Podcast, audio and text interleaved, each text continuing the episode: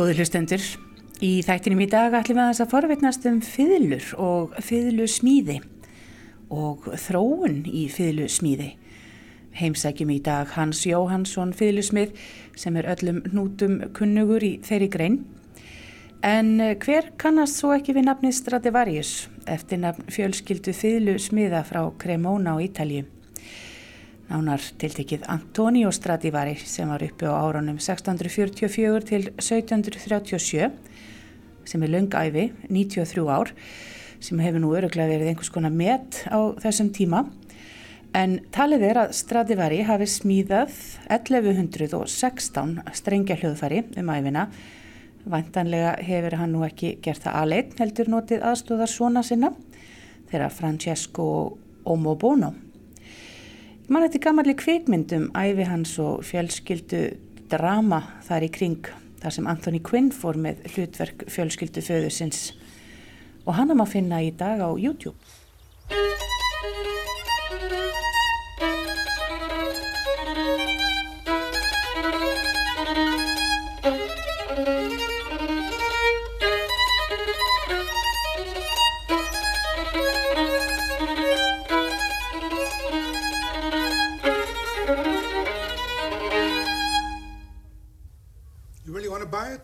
That's why I'm here. Play the fourth string.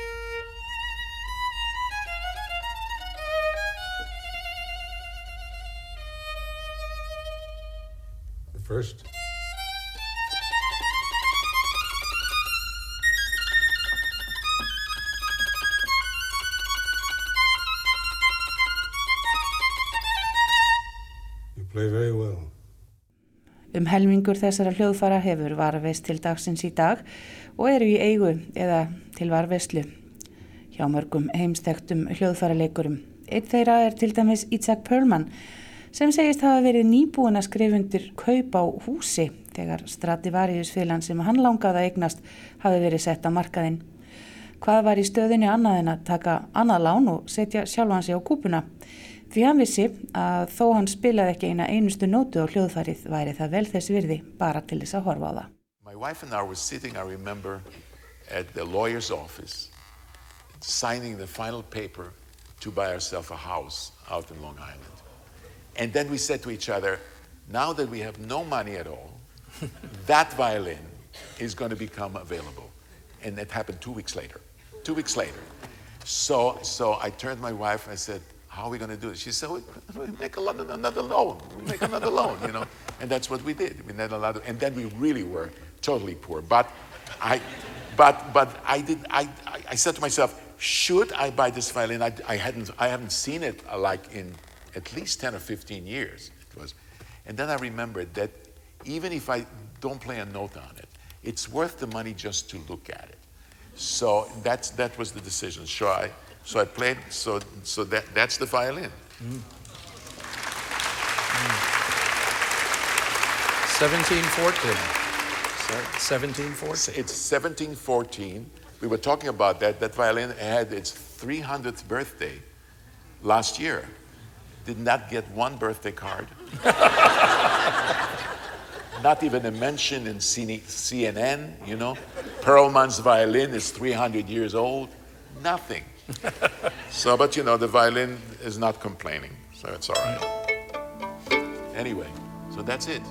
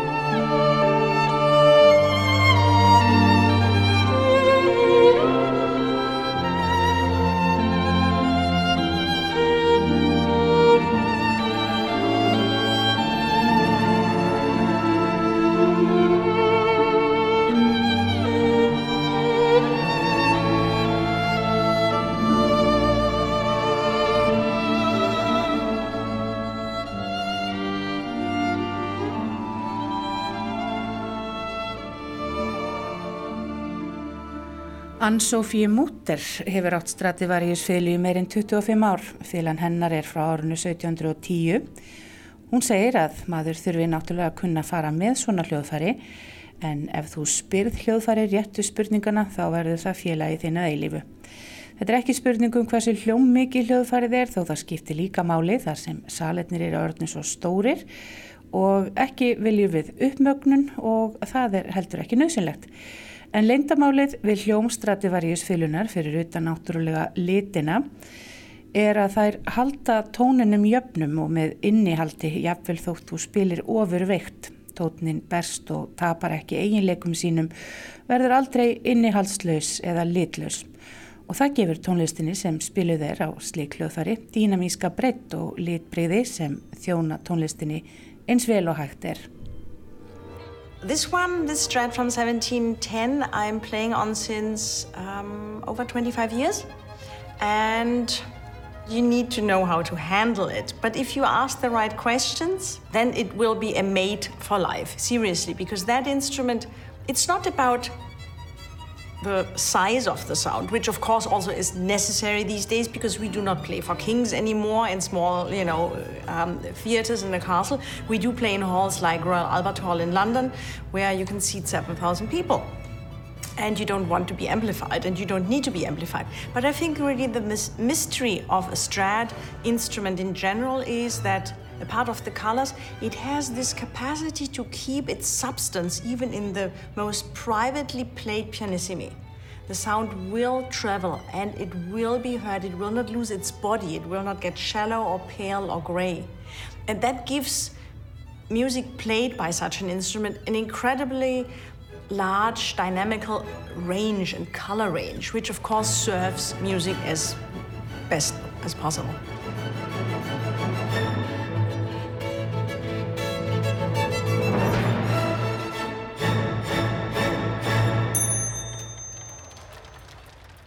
Joshua Bell er eitt þeirra fíluleikara sem er svo heppin að hafa nælt sér í gott eintak af Stradivarius fílu. Það var fyrir nokkrum árum og þá kostaði hún fjórar miljónir dollara og hefur sennilega hækkað nokkuð í verði síðan.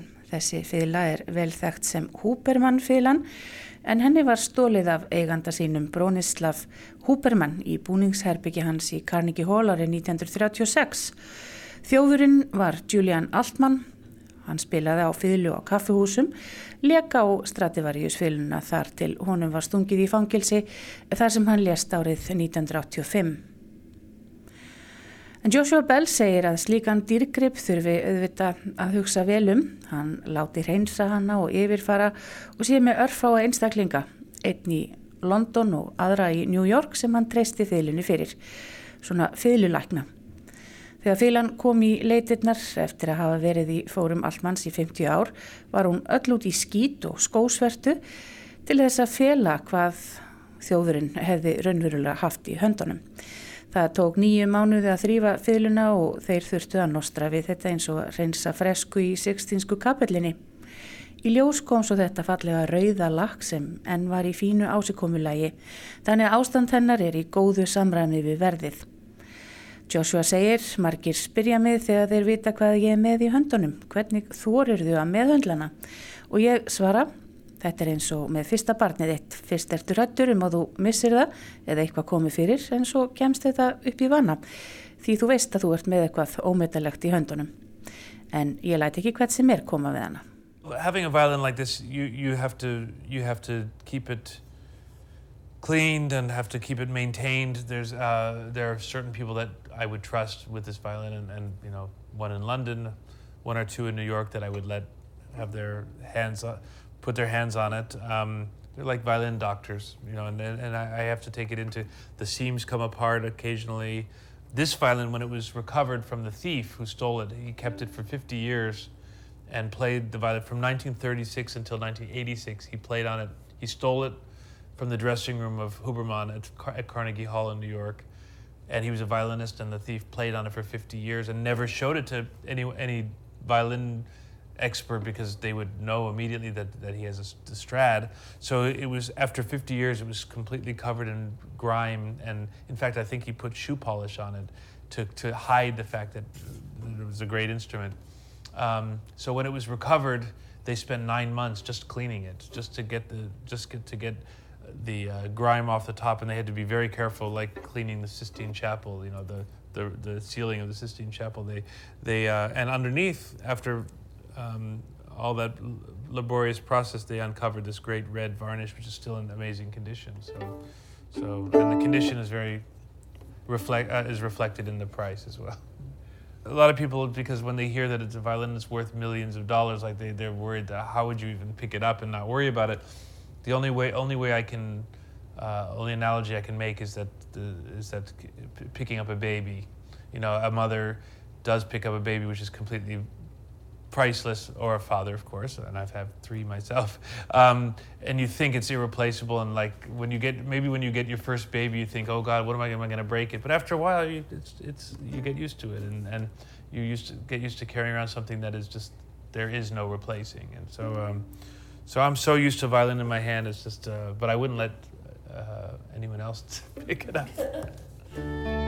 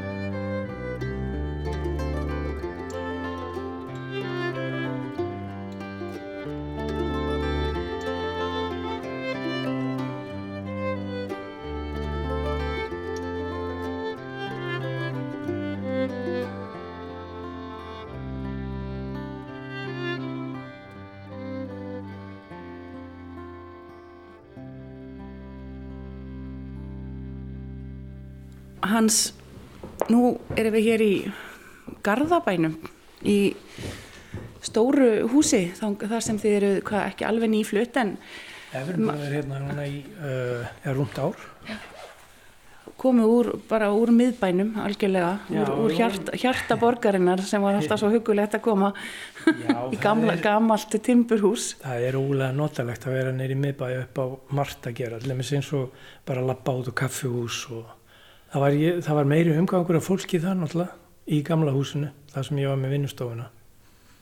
En hérna, það var líka bara orðið svo mikið læti og vitleysa honni miðbæ. Þannig að við fluttum okkur hérna bara í, í útkverfi.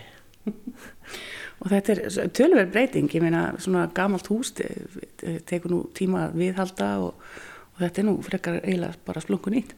Já, við vorum í hvað, 20 ára að gera upp gamla húsið sem var mjög bara reyndislegt hús sko, það bara var ekki alveg rétt um stað. En þú ert með góða aðstöðu hérna fyrir uh, verstaðið þitt. Já, hérna er ég með sko bara fína og stóra vinnustofu, einlega, einlega þrjú rými, sem þess að tvö rými þar sem ég er að vinna bara við að smíða og svo aftur rými sem ég er nú ekki alveg búinn að klára að innrita sem að verður svona eins konar hljóðvist uh, stofa, það sem, sem uh, hljóð einangrað og það sem ég get gert mælingar á hljóðfærum. Og við heyrim hérna, ég veit ekki hvort að hlustendur heyra, það er svona, já, svolítið góður hljómburður hérna inni og þið eru búin að halda tónleika hérna og allt. Já, við höfum, haf- við höfum haldið tónleika en það er ótrúlega gaman. Um, það er hérna, er sérstaklega minnst þetta er að strengja kvartinn, Siggi spilaði hérna og við fórum bara hérna yfir í og fengum lánaði stóla í fjölbröðarskólanum hérna á hinum yfir lækin. Það var bara alveg frábært. Við reynum að gera meira af því.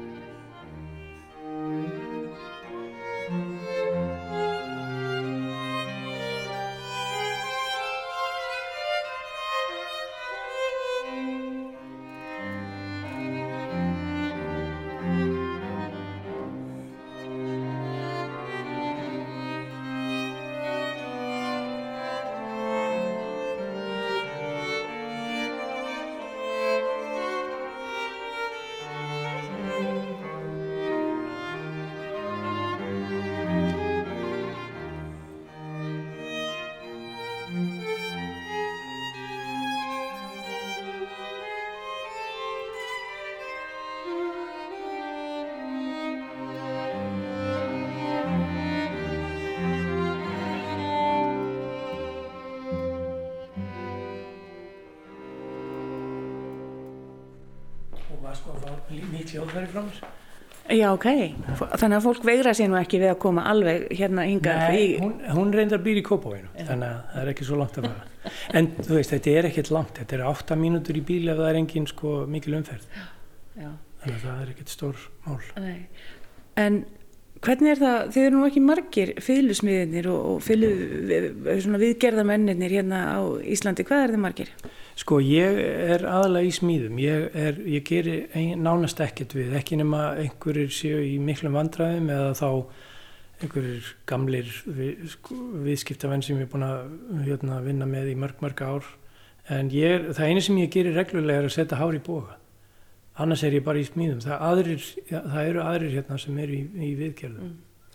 Og, og, en, en sér þú ekki um þínar eigin fylgur? Jú, jú, það er lífstíðar ábyrð þeir sko, mínir kunnur eru í vildaklubnum Hvað heldur þú sért búin að, að hérna, smíða margar fylgur í maðurina? það er einhver hundruð. Alltaf ekki alltaf ekki hátt í 300 en það, það fyrir líka eftir í hvað sko, ég hef smíðað alls konar önnur hljóðfæri en bara fiðlur og víólur sko. ég, ég sko mín mitt starf gengur út á að smíða fiðlur, víólur, selló og kontrabassa en svo hef ég gert allt mögulegt annað Ég sé einmitt hérna upp á hillu eru mjög förðuleg fyrirbæri sem ég kann ekki alveg að nefna. Kannski ef að þess að kíkja á það. Já. Þetta er nú bara hérna, þetta eru, þetta eru raunverulega tilraunir. Ég er alltaf að, ég á svolítið erfitt með að vera alltaf bara að gera sama hlutin, þannig að ég er, búin að vera að gera svolítið mikið af tilraunum í gegnum árin. Þetta hérna er, þó að lítið út fyrir að vera það, þá er þetta fyrirla. En þetta eru margir litlir tréskúltúrar sem að óma, sem sagt, eru keirðir í raun og veru af raffiðlu. Og þetta var verkefni sem ég gerði með Ólafi Eliassinni og, og hérna Snöhetta í Noregi í London 2007. Það var mjög skemmtilegt. En já, er ég verð bara að fá að leika mér stundum. Mm. Bara, ég er mjög svona tilruneglaður. Og ég hef líka gert fiðlur sem að eru byggðar á arkitektúr 20. aldarinnar en ekki bara barokkformin sem er mjög skemmtilegt líka. Það er náttúrulega er ekki, ekki neitt markaður fyrir það en það, maður verður einhvern veginn að reyna að maður verður einhvern veginn að reyna að hugsa út fyrir bóksið og reyna að prófa nýja hluti og, og svo er ég líka mjög mikið að semst, hef verið að vinna með prófessor við háskólan í Manchester undanfærin ár við að þróa uh, hugbúnað og vélbúnað sem líkir eftir sko, mjög fínum að, sagt, hljóðfærum og líkir eftir þá á ég við sko, að það er raunveru sko, leikið á raffiðlu til dæmis. En merkið sem kemur úr raffiðlunni það fer inn í rafrás sem að blandar því merki saman við mælingu af til dæmis Stradivari eða Guarneri eða bara einhverju, einhverju mjög fítni nýri fiðlu. Þannig að það sem að þú heyrir á endanum er nákvæmlega resonansinni úr hljóðfærinu sem þú mældir og það er alveg er, en þá í svolítið þróun en er komið á markaðin Þannig að ef ég skildi rétt, þú spilar á rafþeilu Já, sem er, sko, að mínum að allir jöfnum finnst mér hljóðið úr flest öllum raffílum vera stoltið svona, hvað að segja, litlaust. Það er að segja að það er ekki mikil dýnamík í blæbyrðum. Vegna þess að svörunin er svo jöfn. En, sko, raunverulega það er að segja tré fiðlur, þær, þær svara svo mismunandi á mismunandi tíðnum. Þannig að þegar þú ert að sagt, breyta tóninum með, með bóganum og fingrunum þá, þá er þetta að blandast það saman mjög óreglulegan hátt sem er það sem að gefa hljóðfærinu karakter. Þannig að þú spilar á rafþeiluna og út kemur hljómur eins og í Út kemur hljómur þess hljóðfæri sem að þú mælir.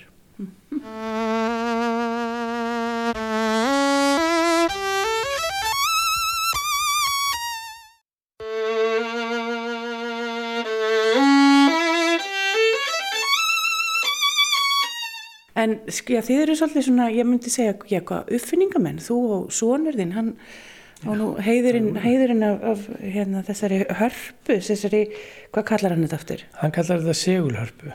Segulhörpu, þetta er að kringlótt hljóðfæri, mm, Já, þetta er, sagt, það er, lok, þetta er lokuð harpa, það er að segja að það er, þetta er ringlaga með einu gati, eh, það er utanáliggjandi hljómborð sem er með snertiflutum úr kopar og, og áli og síðan eru streng, 26 strengir innan í hljóðfærinu sem eru látnir fara af stað með rafsegulbylgjum. Það hljómar svolítið svona eins og þessi strókin strengur. Þetta hljómar er alveg afskaplega Fallega. mjög fallega og sérkennilega. Já. En heldur að einhver tíman í framtíðinni að einhverjar af þessar, þessum uppfinningum þínum og ykkar kannski muni slá í gegn og bara muni verða massa framleitar og allir fara að spila á, já ég veit ekki hvað, eins og þessi fila hérna, li, lifurfilan. Já, sko, ég efast um að það sé ég efast um að það sé einhver rísa markaður fyrir svona, ég líti á þetta persónulega bara sem svona leitun að tóni. Ég er að gera þessar hluti til þess að læra meira um tón og það er bara að tekur minnstakosti eitt æfiskeið og hérna, já, ég, þannig að fyrir mig persónulega er þetta svona eins og leit.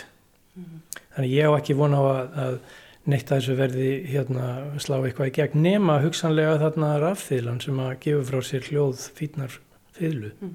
Það, er, það er mjög mikill markaður fyrir það og það er að sína sig líka núna, það er farið að seljast heilmikið af þessum tækjum. Já, semst þetta eins og þú sér, þá er þetta bara beinagrind af fiðlu. Já, þetta er bara, Þetta er bara allt sem þarf, þetta er bara háls og högubretti og strengir og það er allt sem, sagt, sem snýr að uh, uh, viðmótinu er nákvæmlega eins og fiðla. Já. Já, sko, ég, það eru tvær útgáður af þessu, það er annars vegar uh, svona petalabox bara sem þú setur á gólfið og getur þess vegna að nota þetta með hvaða hljóðfæri sem er, sko, rafmagsgítar eða píano eða hvað sem er uh það sem, hérna, það tæki er farið að seljast hans að vel og það er bara svona, það er þetta box hérna, sko.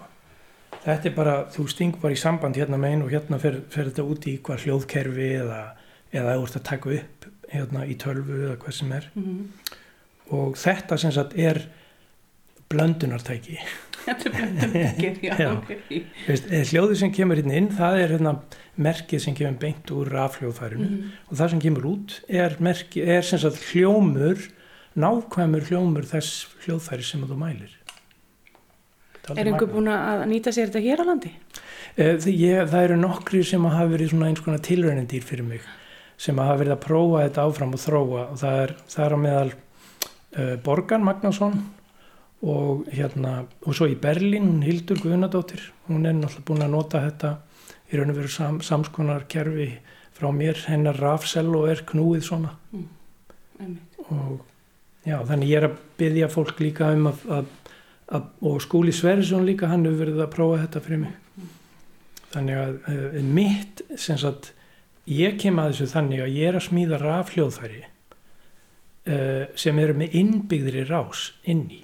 Þannig að þú þarft ekkert svona box á gólfið skilur þannig að það einu sem þú gerir er bara að stingi samband og það, þú fær bara tónin sem þú velur úr, úr tölfunni sem þú bara hleður inn í hljóðfærið með USB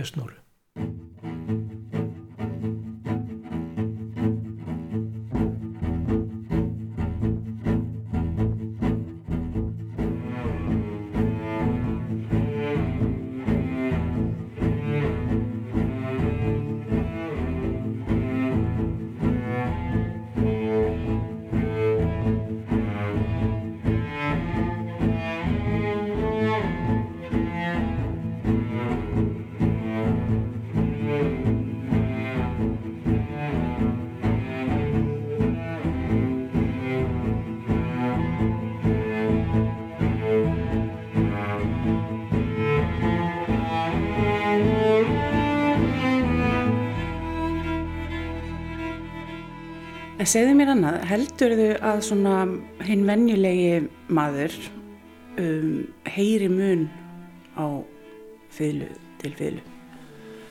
Það er sko, við erum nýbúin að gera fyrir að einu hálfu ári síðan þá gerðum við tilraunir í Manchester í, með sagt um, tónlistarháskólanum þar, Royal Northern College og um, með líka eh, sem sagt fólki sem vinnur í rannsóknarsviði í, hérna Manchester háskólanum.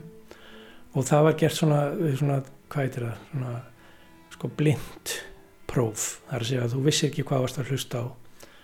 Og það kom í ljós að flest allir eh, sko gerðu greinamun á sko rafljóðfæri og svo aftur rafljóðfæri sem er með þessari tækni. Og þótti það mun betra en það var einstaka uh, um, atvinnu tónlistamæður sem hafði sans fyrir muninum. En það var alls ekki sko neitt stórkostlega hérna um, þú veist statistíkin var ekki mjög góð. Það er að segja að það hefði geta verið nánast uh, handháfskjönd Já. þannig það var ekki, það var ekki ábyrrandi meiri sagt líkur á því að atvinnu tónlistafólk myndi heyra munin þannig það er það, þess að við erum ekki komin á þess að að geta plata hvern sem er en við erum ansi nálægt í Enda er þetta enn í þróun. Já, en það er þetta enn í þróun. Og eins og ég sagði, það er þetta fyrir mig, er þetta bara kennsla, þetta er bara kennsla fyrir mig. Ég er bara að læra um eðli hljóms. En þú sagðir uh, hérna töfra orðið áðan Stradivarius Já. Sem að ég hérna alltaf aðeins að spjalla við um. Hljóðið sem varst að hlusta á, það er semst úr strativari fylgu sem ég mældi. Já. Þannig við vorum að hlusta á, Við vorum í raun og veru að hlusta á hljómrænt fingrafar strativari fylgu. en segðu mér hva, hvað er svona merkilegt við hann Stradivarius? Sko, í gegnum árin þá hafa fólk verið að koma með alls konar kenningar um af hverju þetta hann sé framúrskarandi. En það er bara óskaplega einfalt svar við því. Hann var bara ótrúlega flinkur. Og það er svo einfalt. Uh, sko, en maður verður að skipta þessu niður sko, þegar maður er að, að gaggrína uh, strókljóðfæri.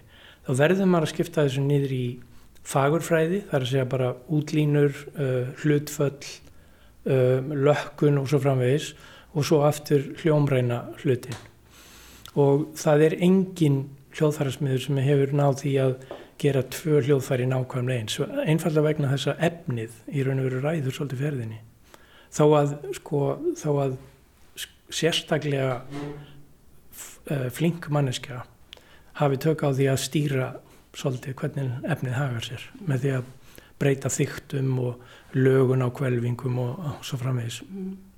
En nú ætti þetta nú kannski ekki að vera neitt svo mikið mála sko að falsa eina svona Stradivarius fjölu eins og að falsa gott listaverk. Það er heljarina mál. Það er sko, en eins og ég sagði áðan, þá er enga tvær straldi í fylgur sem að hljóma eins.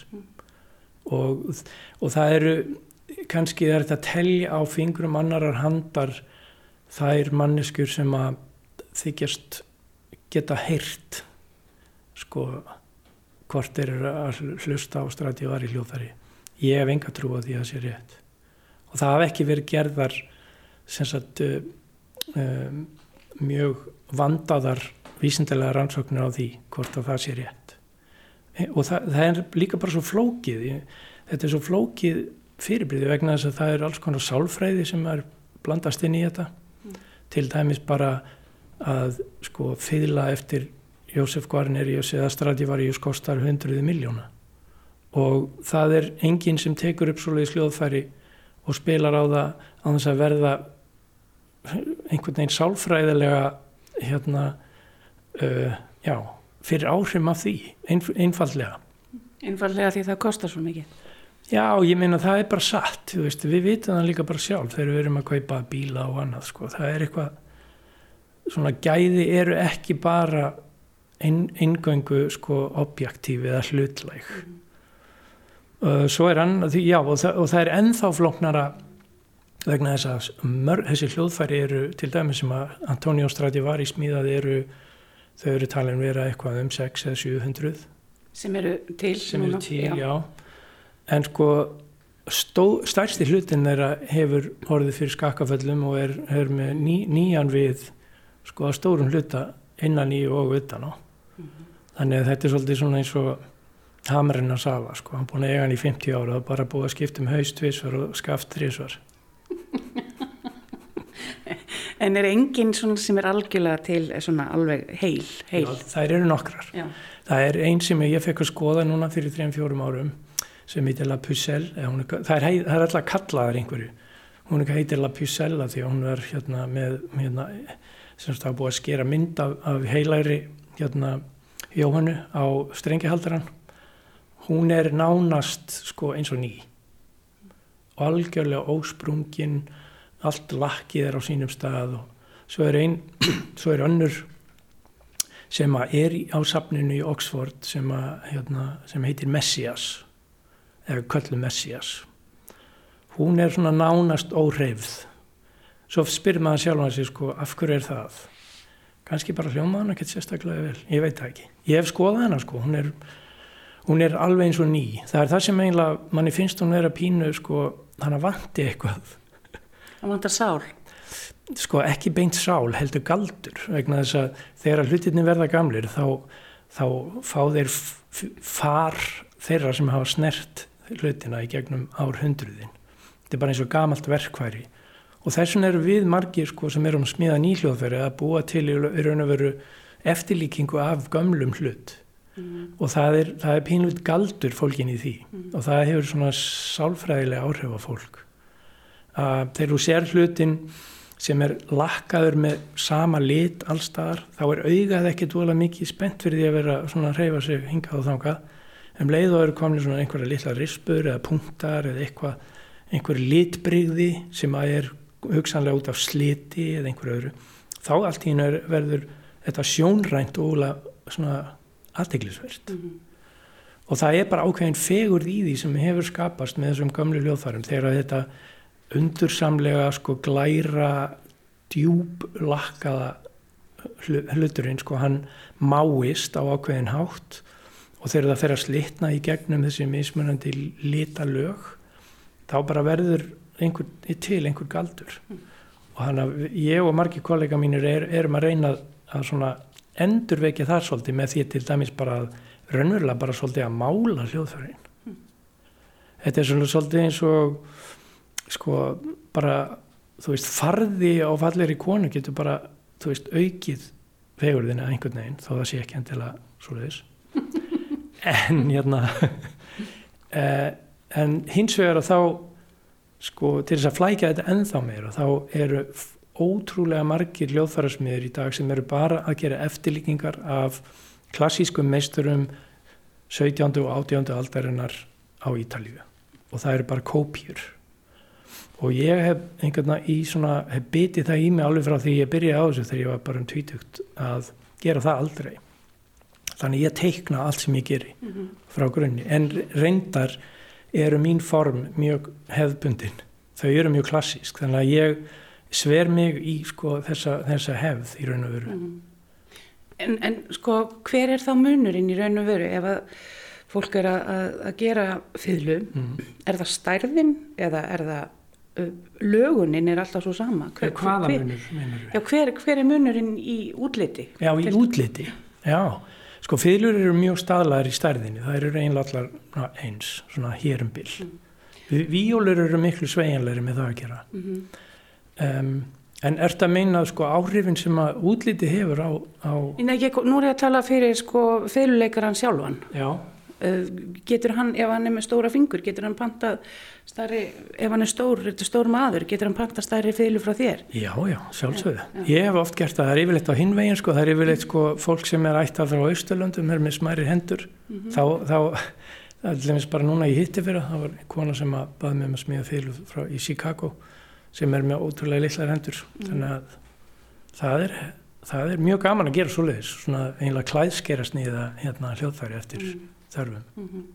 En ef við, ein spurning varðandi hann Stradivarius og, og Guarnerius og allar þessar rosalega dýru fiðlur sem að hafa náttúrulega orðnar, orðið svolítið dýrar vegna þess að það eru safnarar að leita eftir þeim sem síðan bara loka þar inni og það er aldrei spilað á þær.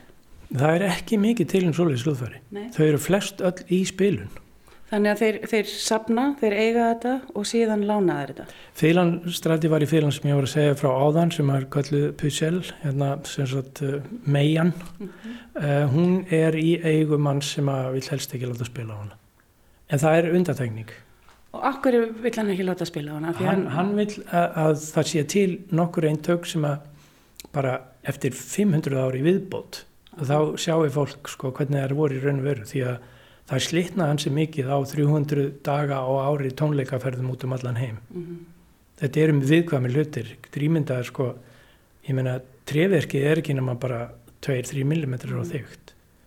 Og þetta verður fyrir hnjaski, þetta verður fyrir mismunandi, þú veist, hérna, bara veðrabrigðum sem að, þú veist, viðurinn bólnar og skreppur saman og þetta er bara tölvöld álag. Og, og þessi tiltekni eigandi, hann vil bara varðveita nokkur eintök þannig að eftir 500 ár þá viti fólk um, hva, um hvað þetta hérna, Snýrist allt saman. já, Ert þú sáttu við það? já Já. mér finnst það eigi að varðveita bara einhver, veist, mjög góð eintök En tölum aðeins um hérna þína smíði. Nú sé ég hér á borði er um, eitthvað sem að verður einhver tíman fila, væntarlega, og líka selló. Ég er með tvær fylgur sem er smíðum og selló, jú. Er þetta sérpöntun?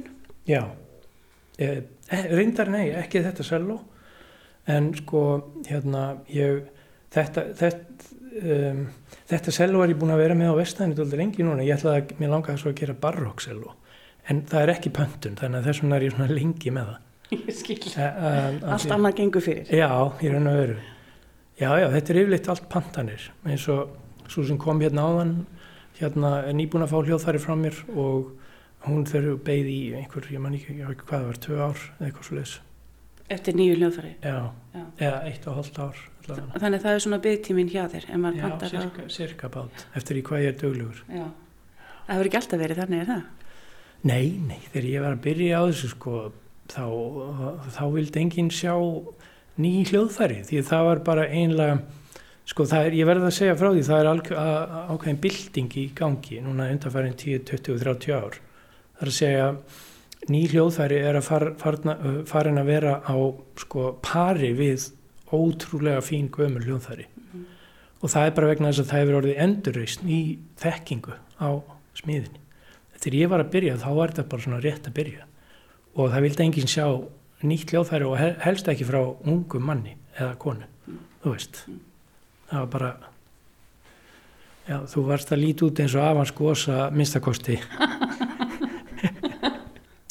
en ég var frá byrjun var ég mjög hérna svona harður í því að fara ekki út í sko að kaupa og selja gömul hljóðfæri þó að það sé mjög mikil peningur í því raun og veru, það, er, það væri starf sem að mig gefur mjög, mikið af sér. Eða þá að gera upp gömul hljóðfæri. Ég, hérna, mín löngun var alltaf að smíða nýtt. Og hva, hvað er það sem þú hugsaður um þegar þú ert að, að, byrja? Ég meina, þú, þú segir að sjálfur sko hvert hljóðfæri er einstakt. Mm já, og, og þessi fila hérna, ég, hún er í mörgum lögum sé ég, ég held að þetta væri nú bara það sem- eitt, eitt lag. það sem þú sérð hérna er sko mótið sem að fylgan er smíðið utanum Ah, sem að hverfur svo þegar, því kemur. Sko, þetta, þetta verður bakið. Og, og sem sagt de dekkið eða toppurinn verður tilbúinn. Ég, þannig þú ert alveg með heila plötu sem þú bara sverfir til. Já, það þarf að skera þetta út, það þarf að skera út kvelvingu. Og síðan þegar hún er komin, þegar kvelvingin er tilbúin að utanverðu, þá byrjar að hóla innan hún. Hvaða viður er þetta? Þetta er hlinur. Og gerur allar þínar úr hlinn? Já, það er mjög hefbundið. Já. Og Stradivari er það úr hlinn líka? Nákvæmlega eins, já. Já. Það er bara, það er mjög hefbundið og, og er líka bara gáfulegt því að þessar viðategundir er, hafa sannað sig sko þannig. Hlinurinn, hann, hann er í bakinu og hliðunum og hálsinum. Þetta er viður sem að kasta sér mjög lítið, hann er mjög stabíl, hann er ekkert mikið að breyta sér þó að að veðrabrigði breytist mikið. Svo er eftir hérna framhlutin sem er svona aðal hljómgjafi hljóðfærisins, hann er yfirleitt alltaf á greni Já. og það er vegna þess að greni er svo, svo gríðarlega stert með að við þyngd sko þess vegna var það notað í flugvilar sko í gamla gamla daga. Og uh, þetta er alltaf spurningum sko tónin sem að viðurinn gefur frá sér hann er háður sem sagt uh, tíðninni sem hann gefur frá sér þurru bankar í hann. Það, er að segja, það, það ákvarðast af löguninni og svo aftur massanum eða þyngdinni. Og ferð þú um landið og bankar í tré? Já, ég fer og ég, nei, ég leita, ég fer, ég fer ofta að leita að efni við sko í stórum bunkum af viði. Já. Ég get, get sýnt þér hérna sko, nefnir hérna er, hérna er greni, þetta er stykki sem verður að sko framhlýðinni á fiðlu Mm og það er bara svona í læginu, það er skorið úr hérna, hérna bólnum eins og kökusneið Já. til þess að liggi þannig rétt í því en sko ég get ég get ég get slegið í stikkið svona til þess að vita hvernig það svarar þannig að það gefur mér það gefur mér hugmynd um hvort að það er kannski of þungt Mhm. Millamis grunar að þess, þessi spýta sér svolítið þung að því að það er svo hár klingjandi tónn í Ég skil. Og þungur, hvað meinar þá að það verði þá of þungur tón? Nei, það er þannig að, að orkan sem að hljóðfærarleikarinn setur inn í dæmið með bóganum og höndunum. Hún breytist að einhverju leiti í tón en það er bara smá prósentilöðvall, það er sko innan við 1% minnum mig, eða 1,5% kannski. En sko eftir því sem viðurinn er þingri þá þarftu meiri orku til þess að fá hann til þess að Já, ég skilji. reyfa sig. Og það getur þýtt það að hún berist ekki mjög vel í sal. Like the water of a river. It's not of my doing. It's the way the tree wanted to grow. Trees die, wood doesn't. It has a voice, a voice of its own.